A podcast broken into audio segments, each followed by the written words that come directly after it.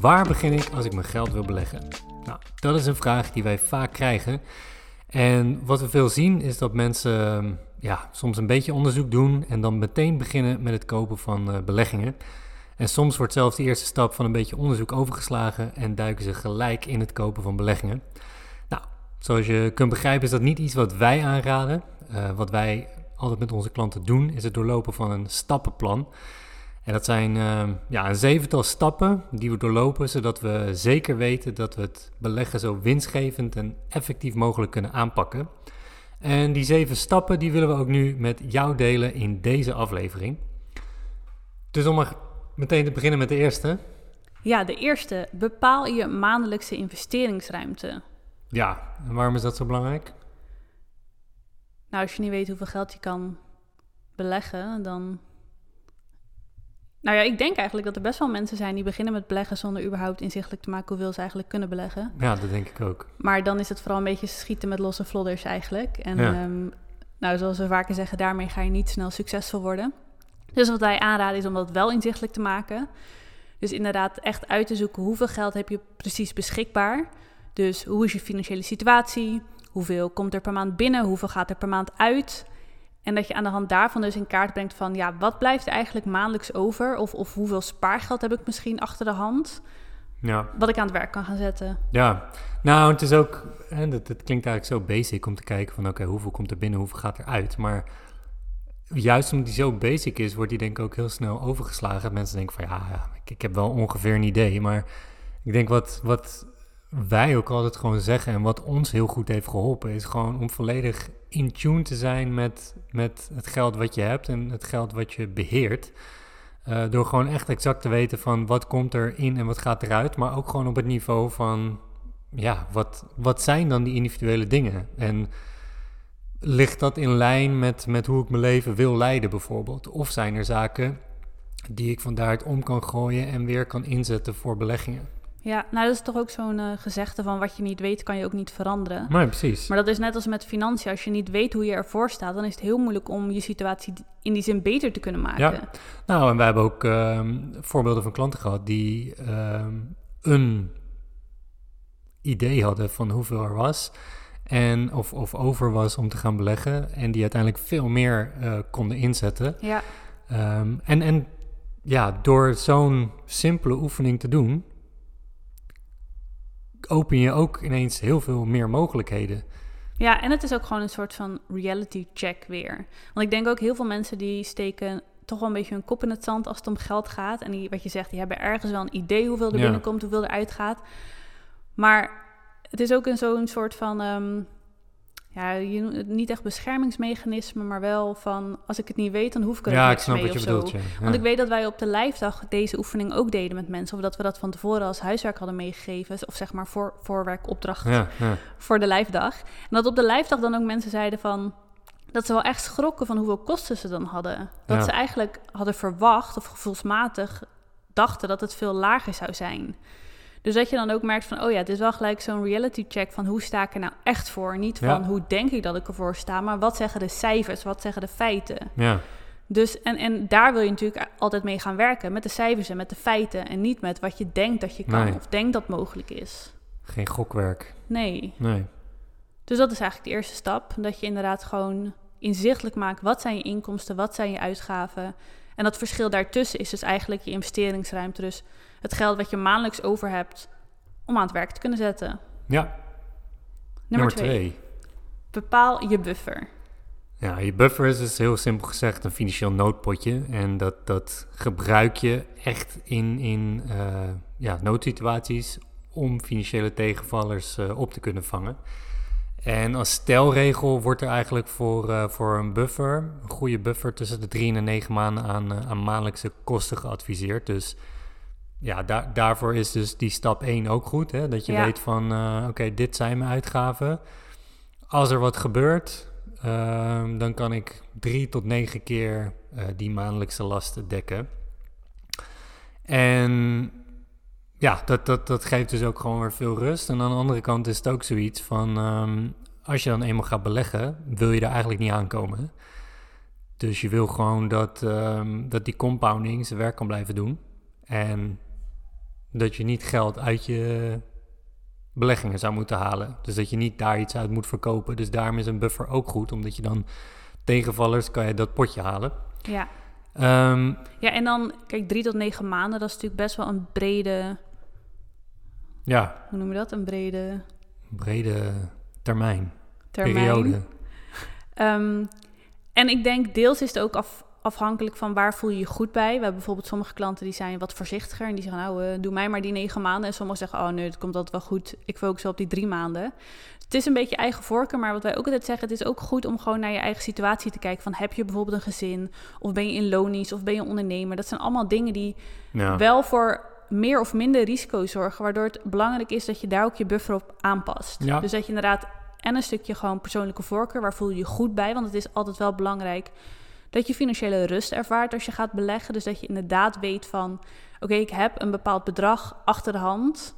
Mocht er iets misgaan, dat ik inderdaad niet gelijk in de Ja. stress zit, omdat de rest van mijn geld in mijn beleggingen zit. Nee, dat is inderdaad ook wel een hele belangrijke. Dat je gewoon, hè, de beleggingen moeten echt iets toevoegen Ja, aan je leven. Beleggen en investeren. En niet zozeer iets, eh, het Ja, moet geen, extra onrust stress toevoegen. geven. Nee, precies. Nee.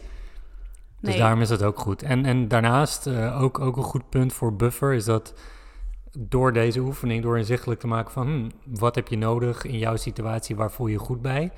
Ehm, ja, als het bijvoorbeeld eh, drie maanden is en je hebt nu voor zes maanden aan buffer, ja, dan zou je dus ook meer aan het werk kunnen zetten. Ja, En wat we altijd aanraden. ja, wat we altijd aanraden, want, want het ding is dat die geldontwaarding, die inflatie, die vreet gewoon aan dat geld. Dus Ja. hoe meer je aan het werk kan zetten, hoe beter het is. Heel simpel voorbeeldje, als je 3% inflatie hebt ehm, en 20.000 aan spaargeld, dan is dat na, na 20 jaar bijna de helft waard. Dat is 11.000 euro waard. En als je die 20.000 euro aan het werk zet, met een gemiddeld ren- jaarrendement van 10%, dan heb je na 20 jaar 135.000 euro. Dus even, ja, het is elke keer weer mindblowing als je het, als je het zo opleest of, op, eh, of beschrijft. Maar dat is gewoon wat, wat, wat het doet. En, en dus een reden om dat gewoon aan het werk te zetten. Ja, dat laat eigenlijk gewoon zien dat als je een onnodig grote spaarpot hebt. Dus een spaarpot is goed, dat raden we altijd aan. Maar Ja. onnodig grote spaarpot. En je verliest dus geld door de inflatie, maar je loopt dus ook ontzettend veel vermogensgroei mis. Omdat je dus niet inderdaad dat rendement op rendement pakt. En wat je net zei, 11.000 of 135.000.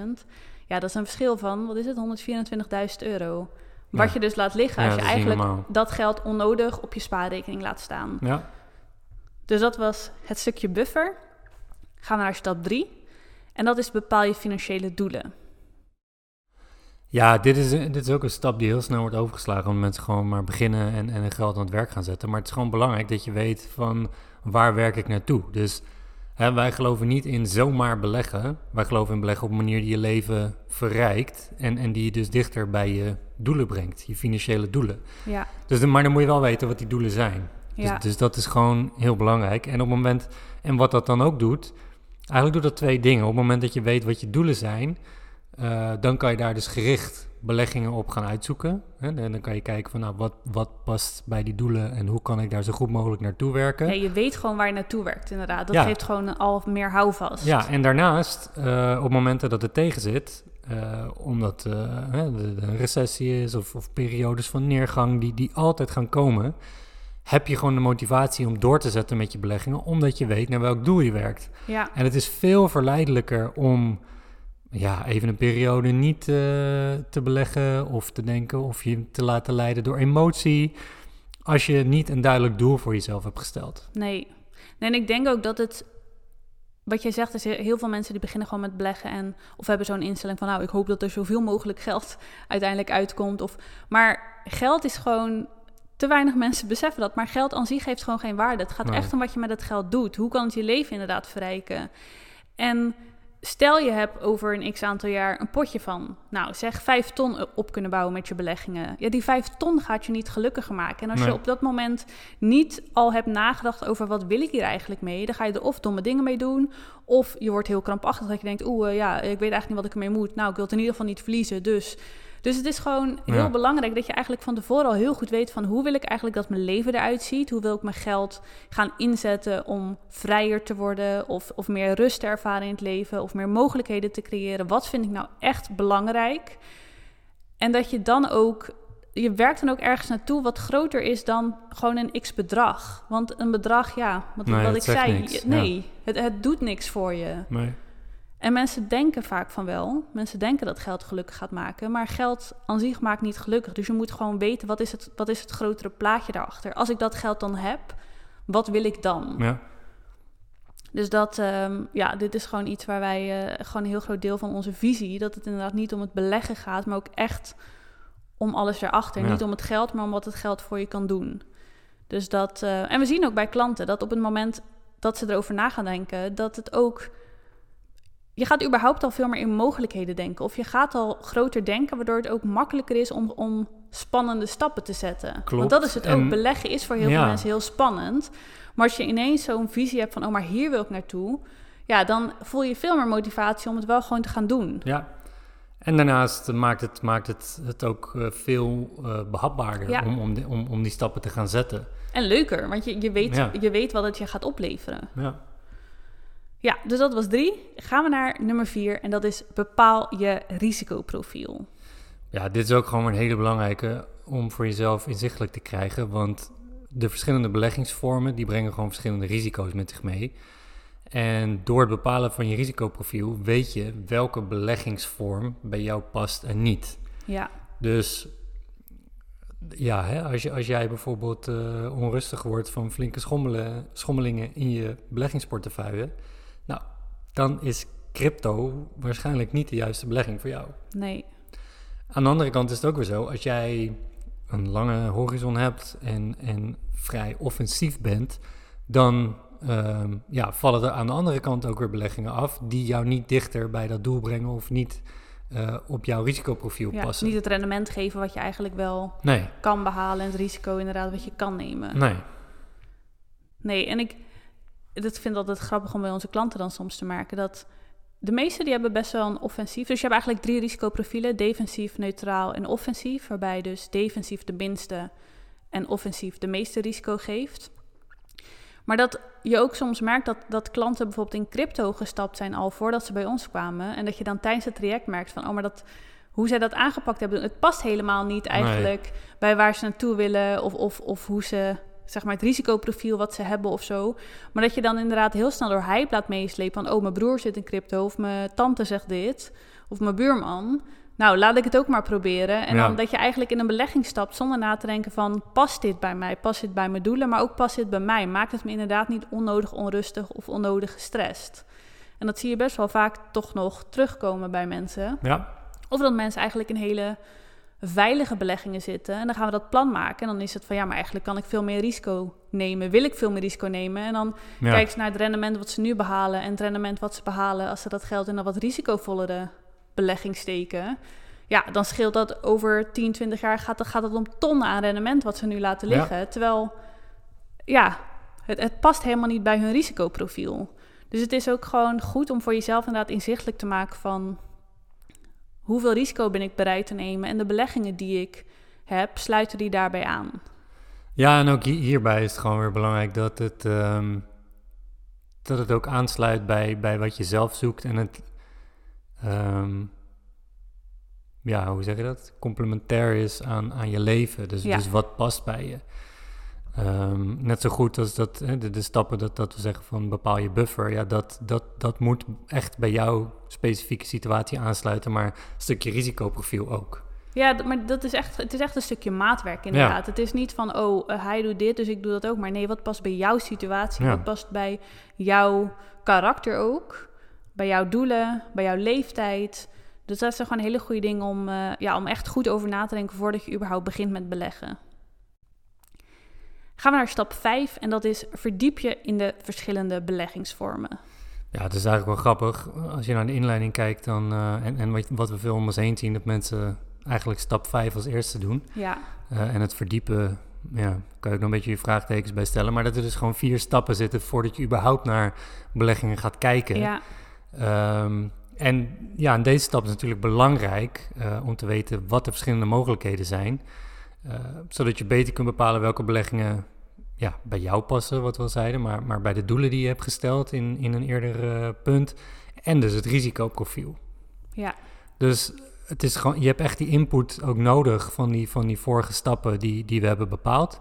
Om dan te gaan kijken, oké, wat sluit dan het beste aan bij, bij waar ik naartoe wil? En wat zijn dan de opties die ik heb? Nou ja, om even uh, kort, kort overzicht te geven van, van wat heb je dan? Aandelen, obligaties, uh, fondsen, cryptocurrencies, uh, edelmetalen zoals goud en zilver en vastgoed. Dat zijn een beetje de grootste en bekendste beleggingsvormen. En zoals ik al zei, dus afhankelijk van, van de stappen hierboven, uh, hiervoor, dan kan je gaan kijken, nou, wat, wat sluit daar het beste bij aan? Nou, dat vond ik wel een volledig verhaal. dus dan gaan we naar stap 6. Maak je investeringsplan. Ja, eigenlijk uh, is dit punt uh, het invullen van, van de stappen die je hiervoor hebt gedaan in, in een echt plan. Ehm, dus, dus als je weet waar je in wilt beleggen, dan moet je gaan bepalen hoe je dat gaat doen. Ehm, en, en dan kan je gaan kijken, nou, wat wordt mijn aankoopstrategie? Uh, welke horizon wil ik gebruiken? En je kan verschillende doelen hebben en dan verschillende horizon en ook verschillende aankoopstrategieën. En natuurlijk, uh, niet te geheel onbelangrijk, hoe ga je voor spreiding zorgen in je portefeuille? Ja. En dat kan je natuurlijk ook weer per doel doen. Dus ja, bij deze stap ga je echt dieper in, de, in, in het plan, om echt het plan neer te zetten, zeg maar, wat je gaat helpen om uh, die houvast te hebben in de uitvoering de aankomende nou, jaren.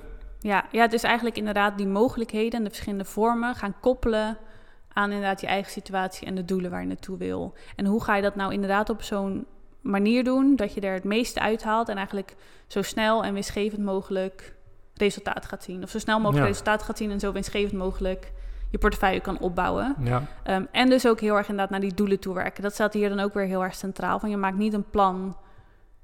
met een plan heb je altijd een, een eindresultaat nodig. Dus dat betekent dat, dat inderdaad die doelen zijn dan altijd weer leidend. En aan de hand daarvan is het gewoon heel belangrijk dat je gaat kijken van welke strategieën passen daar dan bij? Hoe lang ga ik het aanhouden? Hoe ga ik voor spreiding zorgen? En dat. Ehm, ja, en wat doe ik wanneer? Hè?